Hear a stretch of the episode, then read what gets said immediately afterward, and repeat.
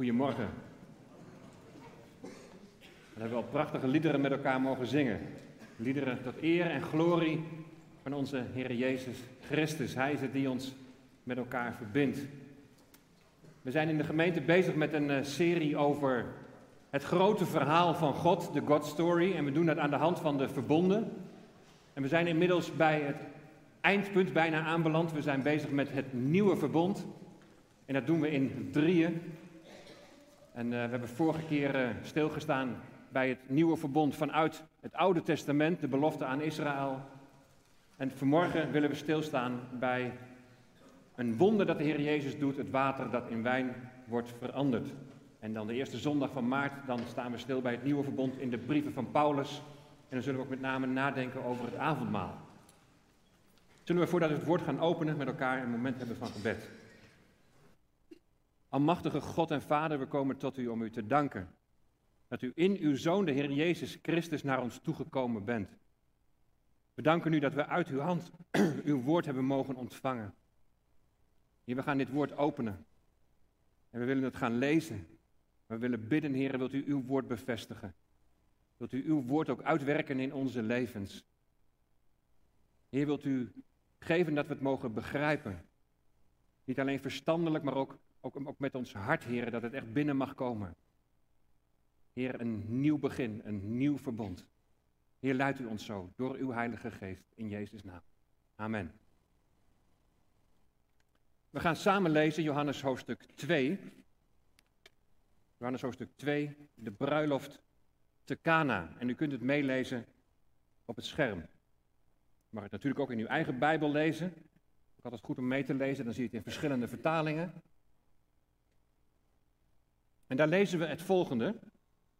En op de derde dag was er een bruiloft te Cana in Galilea. En de moeder van Jezus was daar. En Jezus was ook voor de bruiloft uitgenodigd en zijn discipelen. En toen er een tekort aan wijn ontstond, zei de moeder van Jezus tegen hem: Ze hebben geen wijn meer. En Jezus zei tegen haar: Vrouw, wat heb ik met u te doen?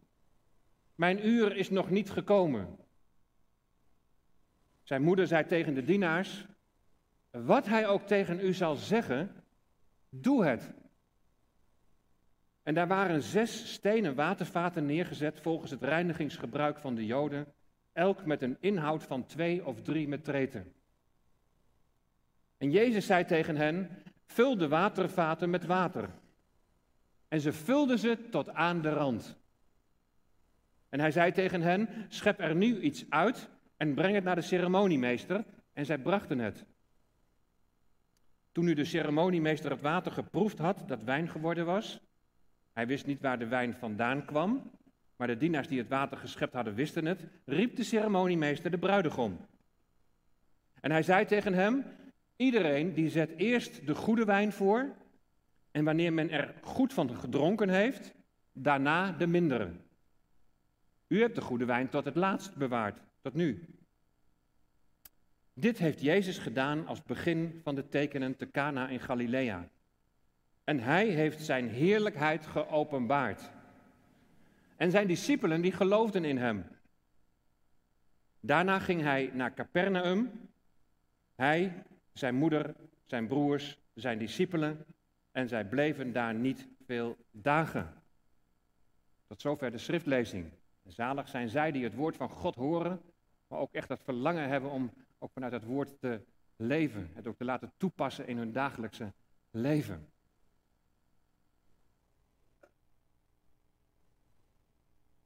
De eerste mens op de maan was bijzonder. Het is alweer 50 jaar geleden. De val van de muur in Berlijn was een hele indrukwekkende gebeurtenis. Is alweer 30 jaar geleden. Twee vliegtuigen in de Twin Towers op 9-11. En men zei, de wereld zal nooit meer hetzelfde zijn alweer 18 jaar geleden. Het zijn hele indrukwekkende gebeurtenissen geweest met een hele grote impact.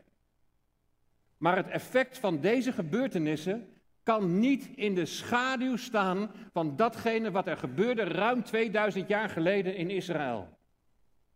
Met de komst van de Zoon van God naar deze aarde is er een keerpunt gekomen in de geschiedenis van deze wereld. Met de komst van de Zoon ging de Vader, de schepper van hemel en aarde, hij ging vol in het offensief om de vijand, om Satan te verslaan. De vijand die de eerste mens verleidde en onder zijn heerschappij bracht, met alle gevolgen van dien, tot op de dag van vandaag.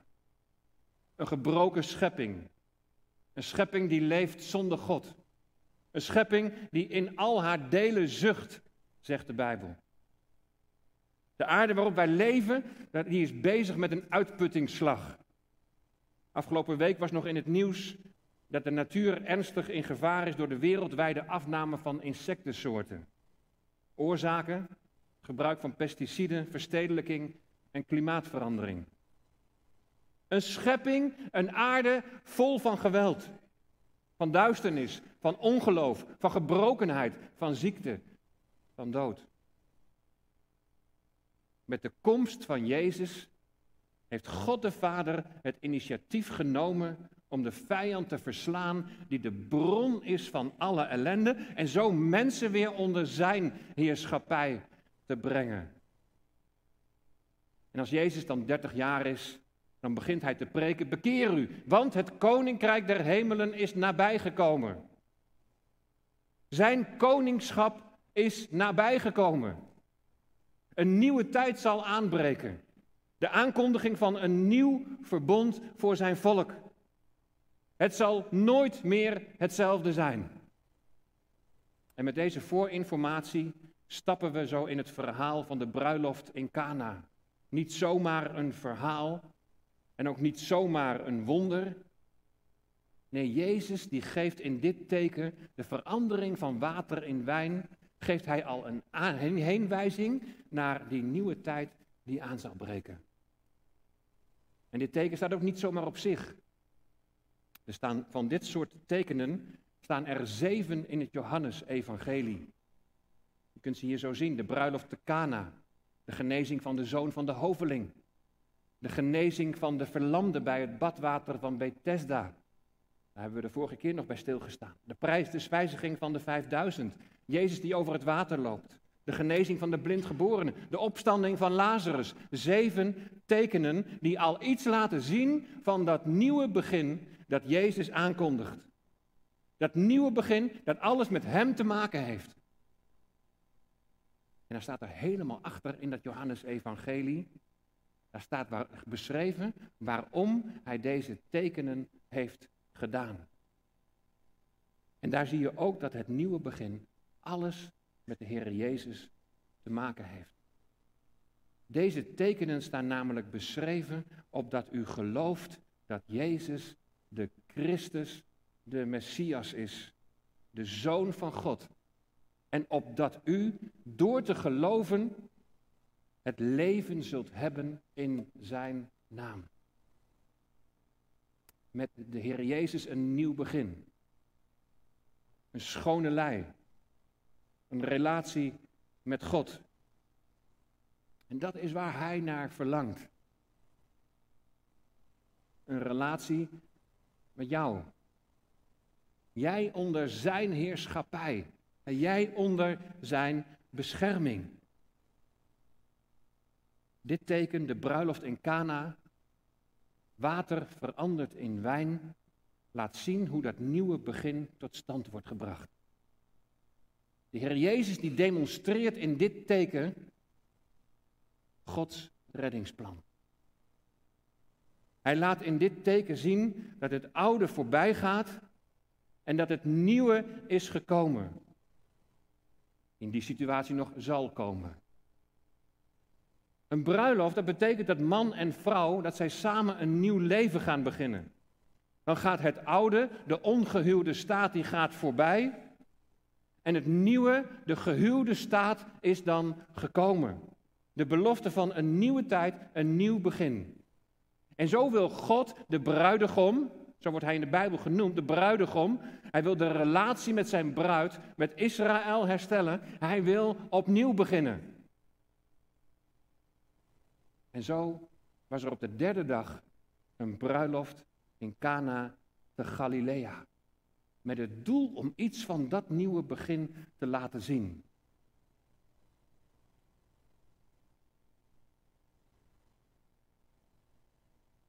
De derde dag. Het gaat hier om de derde scheppingsdag. Voor ons is dat nu de dinsdag. En deze derde scheppingsdag was bij de Joden een favoriete dag om te trouwen. Die derde dag, ja, wij lezen daar zo overheen. Maar er is iets heel bijzonders met die derde scheppingsdag. En het bijzondere met deze derde scheppingsdag, je moet dat maar eens voor jezelf nalezen in Genesis 1. Het bijzondere met deze derde dag is dat er alleen op deze dag twee keer staat en God zag dat het goed was. Een dubbele zegen, zeggen ze dan vanuit de Joodse traditie. Een zegen voor de bruidegom en een zegen voor de bruid. En God zag dat het goed was. En dan was er nog iets bijzonders met die derde dag. Want het gaat daar over het zaaddragend gewas. Het gaat over zaad. Het gaat over vrucht dragen. Ook belangrijk voor een huwelijk. Dus van oudsher heeft de derde dag de voorkeur voor Joden om te trouwen. Een nieuwe tijd zal aanbreken. En dat onder de zegen van God. Tot zegen van God zelf, de bruidegom, die de relatie hersteld ziet. Tot zegen van de bruid, tot zegen van zijn volk. Een nieuwe tijd. En in die nieuwe tijd zal zijn volk zal vrucht voortbrengen. Dat betekent, ze zullen gaan leven tot eer van God. Een nieuw begin. In zo'n Joods huwelijksfeest, daar valt nog veel meer over te zeggen. Maar ik beperk het maar even tot het gebruik van de wijn. Een heel belangrijk onderdeel van de bruiloft. Er werd rijkelijk wijn geschonken en het was ook belangrijk dat er voldoende was. Aan het begin werd dan de beste wijn geschonken. Op een later tijdstip, nou, het feest duurde zeven dagen, toen maakte de smaak waarschijnlijk niet meer zoveel uit. En het laat zich wel raden waarom. En dan ontstaat er een tekort, hebben we gelezen. Een groot probleem. Een schande. Dit mag niet gebeuren tijdens een bruiloft. En Maria zegt dan tegen Jezus: Ze hebben geen wijn meer.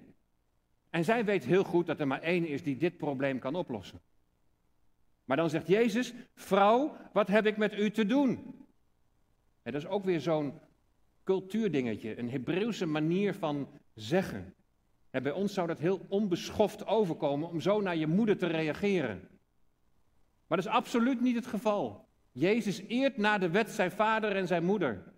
Maar hij moet hier, hij moet de dingen van de vader, van de vader gaan doen. En zijn moeder zegt dan tegen alle dienaars, wat hij ook tegen u zeggen zal, doe het. Wat hij ook tegen u zeggen zal, doe het. Dat is de juiste houding naar de Heer Jezus. Ook voor ons. Ja, ook voor jou en mij. Wat hij ook tegen u zeggen zal, doe het. En in navolging van Maria wil ik dat vanmorgen ook tegen jullie allemaal zeggen. Wat hij ook tegen u zeggen zal, doe het. Want hij wil tot je spreken. In het woord van God openbaart hij ons zijn wil. En zo wil hij tot je spreken. En doe dan wat hij zegt. Opdat je net als de dienaars een medearbeider zult zijn om iets van Gods plan te laten zien. Zo kun je dat toch zien? Ze werden ingeschakeld om de vaten te vullen. Dit wonder is immers een teken dat heen wijst naar een nieuwe tijd die zal aanbreken. En zij mochten een onderdeeltje zijn in dat proces om dat duidelijk te maken. De instructies zijn helder voor de bediening. En dan staan er zes watervaten. En elk watervat bevat plus minus omgerekend 100 liter. Dus zo'n 600 liter water. Schep ze maar vol, zegt Jezus dan. Ik weet niet hoeveel dienaars er waren en waar het water vandaan moest komen, maar het zal best wel even een behoorlijke klus zijn geweest. Wat Jezus vraagt is niet altijd gemakkelijk. Maar doe wat hij zegt. Om zo medearbeider te zijn en hij tot zijn doel en zijn glorie en zijn eer kan komen. Want daar gaat het om. Er zijn dus zes stenen watervaten neergezet volgens het reinigingsgebruik van de Joden. Het getal zes is het getal van de mens. Zes stenen watervaten. Ons lichaam wordt in de Bijbel ook wel een aardevat genoemd. Een aardevat dat onrein is. Wij zijn een aardevat waar zonde aan kleeft. Onderdeel van Gods reddingsplan is dan ook dat Jezus is gekomen om zijn volk te redden van hun zonde. Om ze te reinigen van hun zonde. En de vaten die worden gevuld tot, tot aan de rand met water. Water dat allereerst de betekenis heeft van reiniging. De vaten stonden daar om de handen en de voeten te reinigen. Water als beeld van reiniging van zonde. Als voorbereiding voor een relatie met God is reiniging een voorwaarde. Als op de Sinaï, en dan gaan we heel ver terug in het Oude Testament, als op de Sinaï de Heere God, de bruidegom, een huwelijksverbond sluit met zijn volk, dan moet de bruid, dan moet het volk, ze moeten dan hun kleren wassen. En zo heiligt God zijn volk en zet ze apart voor hem. Ze laten Egypte en haar afgoden laten ze achter zich. Het oude is voorbij en ze gaan verder als bruid, als vrouw van God. Het nieuwe is gekomen. Reiniging, een voorwaarde om God te ontmoeten. Maak die vaten vol van water, zegt Jezus. Een complete reiniging van deze aardenvaten. Jezus is gekomen om zijn volk te reinigen van alle zonden. Maar daar blijft het niet bij. Het water is ook het beeld van de Heilige Geest. Naast reiniging ook beeld van een nieuw begin. dan denken we uiteraard bij de Heilige Geest denken we aan het Pinksterfeest. De Heilige Geest die is uitgestort. Het Bijbelse wekenfeest. En volgens de Joodse overlevering vindt dit wekenfeest vindt plaats op de kalenderdag waarop Mozes van God de wet ontving. Zijn we weer bij de Sinaï. En wonderlijk, zo die verbinding tussen het ontvangen van de wet op de Sinaï en later het ontvangen van de Heilige Geest met Pinksteren. Er zijn nog veel meer overeenkomsten, maar daar ga ik nu even niet bij stilstaan. De oude situatie op de berg Sinaï de wet gegraveerd op stenen tafelen. En een nieuwe situatie met Pinksteren, de wet in het hart gegraveerd door het ontvangen van de Heilige Geest. De Geest die je leidt in alle waarheid en die je leidt om de wil van God te doen. Van oud naar nieuw. Het oude is voorbij en het nieuwe is gekomen. Maar er ontbreekt nog iets. En dat heeft alles met die wijn te maken. Als alle wijn op is, dan hebben ze waarschijnlijk al behoorlijk wat op. Een goede dominee die zou zeggen, het is nu wel mooi geweest en we gaan nu maar eens over op een sapje of gewoon een glaasje water. Maar dat doet Jezus niet.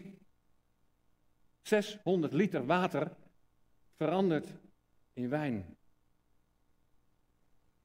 Zie je nou wel, zeiden onze kinderen toen ze nog in de tienerleeftijd waren en sterke drank wat interessant begon te worden. Jezus zelf veranderde water in wijn. En ze vergaten dat er meerdere teksten in het Nieuwe Testament staan waar gewaarschuwd wordt voor overmatig alcoholgebruik. In dit geval, in Cana, gaat het niet direct om het wonder. Er zijn mensen die zo gefixeerd kunnen worden op dat er wonderen kunnen gebeuren, op dat er wonderen gebeuren in de hoop dat mensen dan tot geloof gaan komen. Maar de praktijk wijst vaak uit dat dat niet zo is. Zelfs ook bij het volk Israël zien we dat als voorbeeld. Een wonder is prachtig. En ik geloof dat ook God nog wonderen doet in deze tijd. En dan mogen we dankbaar zijn als dat gebeurt. Maar wat nog veel belangrijker is, is dat de mensen de betekenis van dit wonder, van dit teken, gaan begrijpen. Jezus wil duidelijk maken dat er een nieuwe tijd gaat aanbreken. Een herstel van de relatie met God. Allereerst voor Israël. Reiniging van zonde. Vervulling met de Heilige Geest. Dat is precies wat er ook in Ezekiel 36 als belofte voor het volk staat. Ik zal jullie met rein water sprengen en u zult rein worden. Een nieuwe geest in uw binnenste. Die belofte die staat. En we zien het terug ook in dit teken. Maar wat is dan de rol van de wijn? Hoe kunnen we hier dezelfde toepassing maken dat het oude voorbij is en het nieuwe is gekomen? In de oude situatie, in het oude verbond, daar moest bij het volk Israël het bloed van een offerdier vloeien tot vergeving van zonde. dat is de oude situatie. Maar als wij het avondmaal vieren, dan is de wijn het teken van het bloed van de Heer Jezus. In Matthäus 26, vers 28, daar staat, want dit is mijn bloed, zegt de Heer Jezus, het bloed van het nieuwe verbond, dat voor velen vergoten wordt tot vergeving van zonden. De steeds terugkerende offers zijn niet meer nodig. Want er is één offer gebracht. Een volmaakt offer. Jezus sterven aan het kruis van Golgotha tot vergeving van zonde. Zijn bloed. Dat houdt in zijn leven. Zijn leven dat hij aflegde om jouw zonde te vergeven en om jouw nieuw leven te geven. Eeuwig leven. En dat is het teken van de wijn. Nieuw leven. Wijn die beter is dan de eerdere wijn. Het eeuwige leven. En ieder die gelooft dat Jezus de Zoon van God is. En ieder die op Hem vertrouwt, ontvangt vergeving van zonde. Ontvangt dat eeuwige leven. En als onderpand voor dat eeuwige leven ontvang je de Heilige Geest die woning in je maakt. En dan kun je voluit zeggen, het oude is voorbij en het nieuwe is gekomen. Door vergeving, reiniging en vervulling een nieuwe schepping geworden. Wat voor Israël tijdens de bruiloft van Cana nog een belofte was, is door Jezus sterven en opstanding al werkelijkheid geworden. En dan, daarna, en dan is daar, dan is naast de Jood die Jezus beleidt als Heer, ook toegang gekomen voor de niet-Joden. Is er ook toegang gekomen voor ons? Is er ook toegang gekomen voor jou? In de doop, die we zo meteen gaan zien, getuigen onze dopelingen dat zij door het offer van het offerlam, dat is de Heer Jezus Christus, dat zij volkomen gereinigd zijn van alle zonden. Ze gaan zo meteen het water in. En het is het symbool van een begrafenis, zoals je kunt lezen in Romeinen 6, vers 4. Je wordt met Christus begraven door de doop in de dood. Je laat in de doop zien dat je aan je oude leven en je leven gescheiden van God, dat je daaraan bent gestorven. Het oude is voorbij.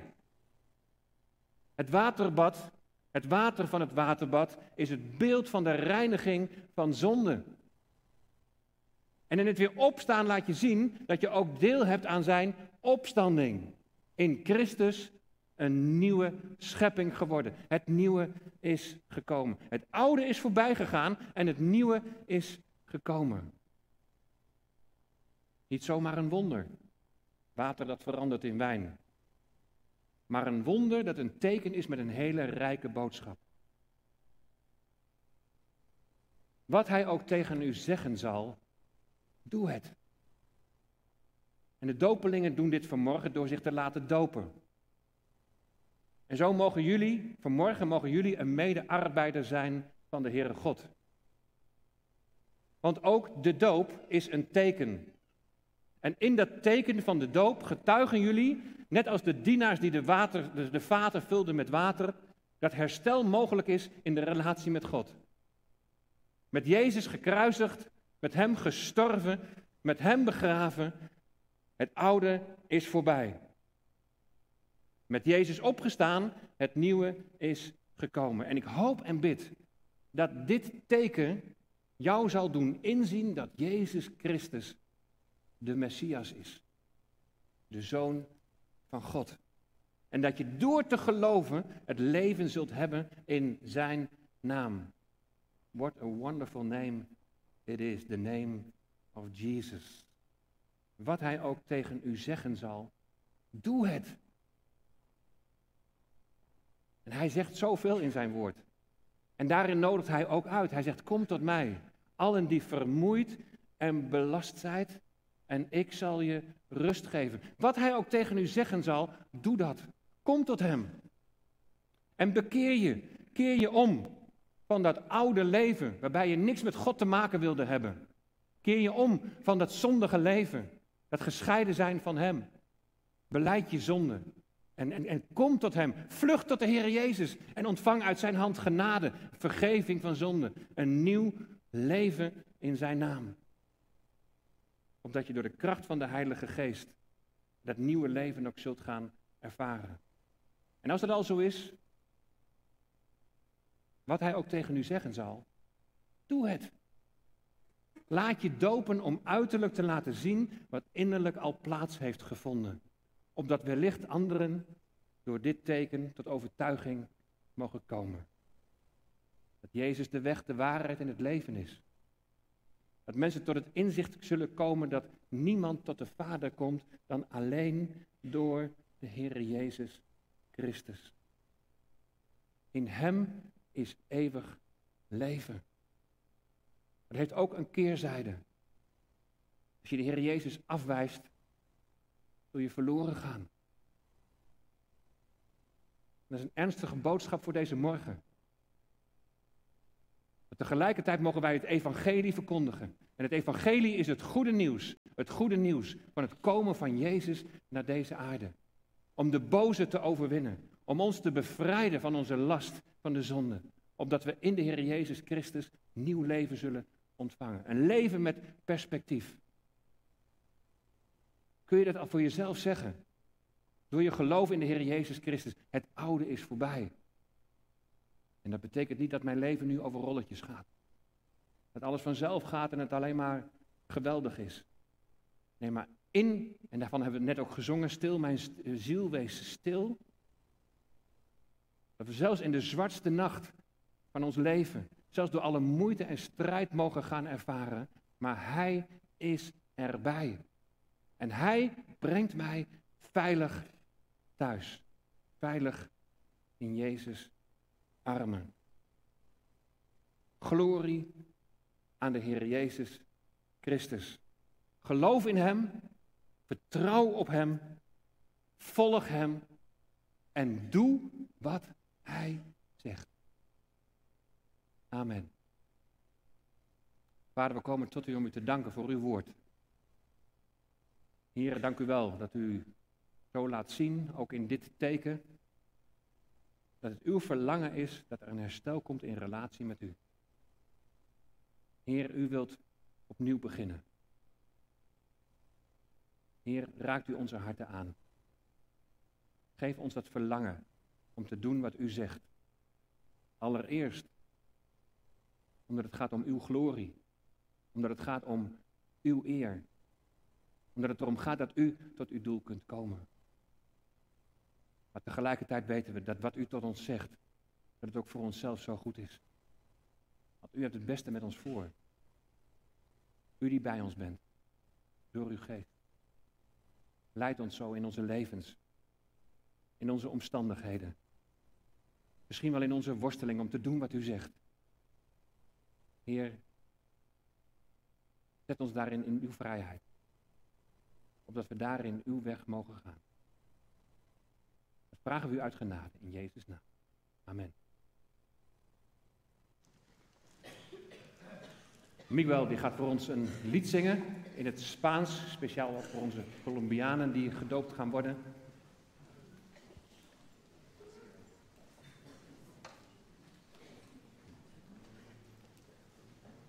Het is opwekking 510. Ga niet aan het Spaans beginnen, maar daar staat: Dit is mijn verlangen. U prijzen, Heer. Met heel mijn hart aanbid ik u. Al wat binnenin mij is, verlangt naar u. Ik leef alleen voor u. En ik wil doen wat u zegt. Maar dat dingen ze niet.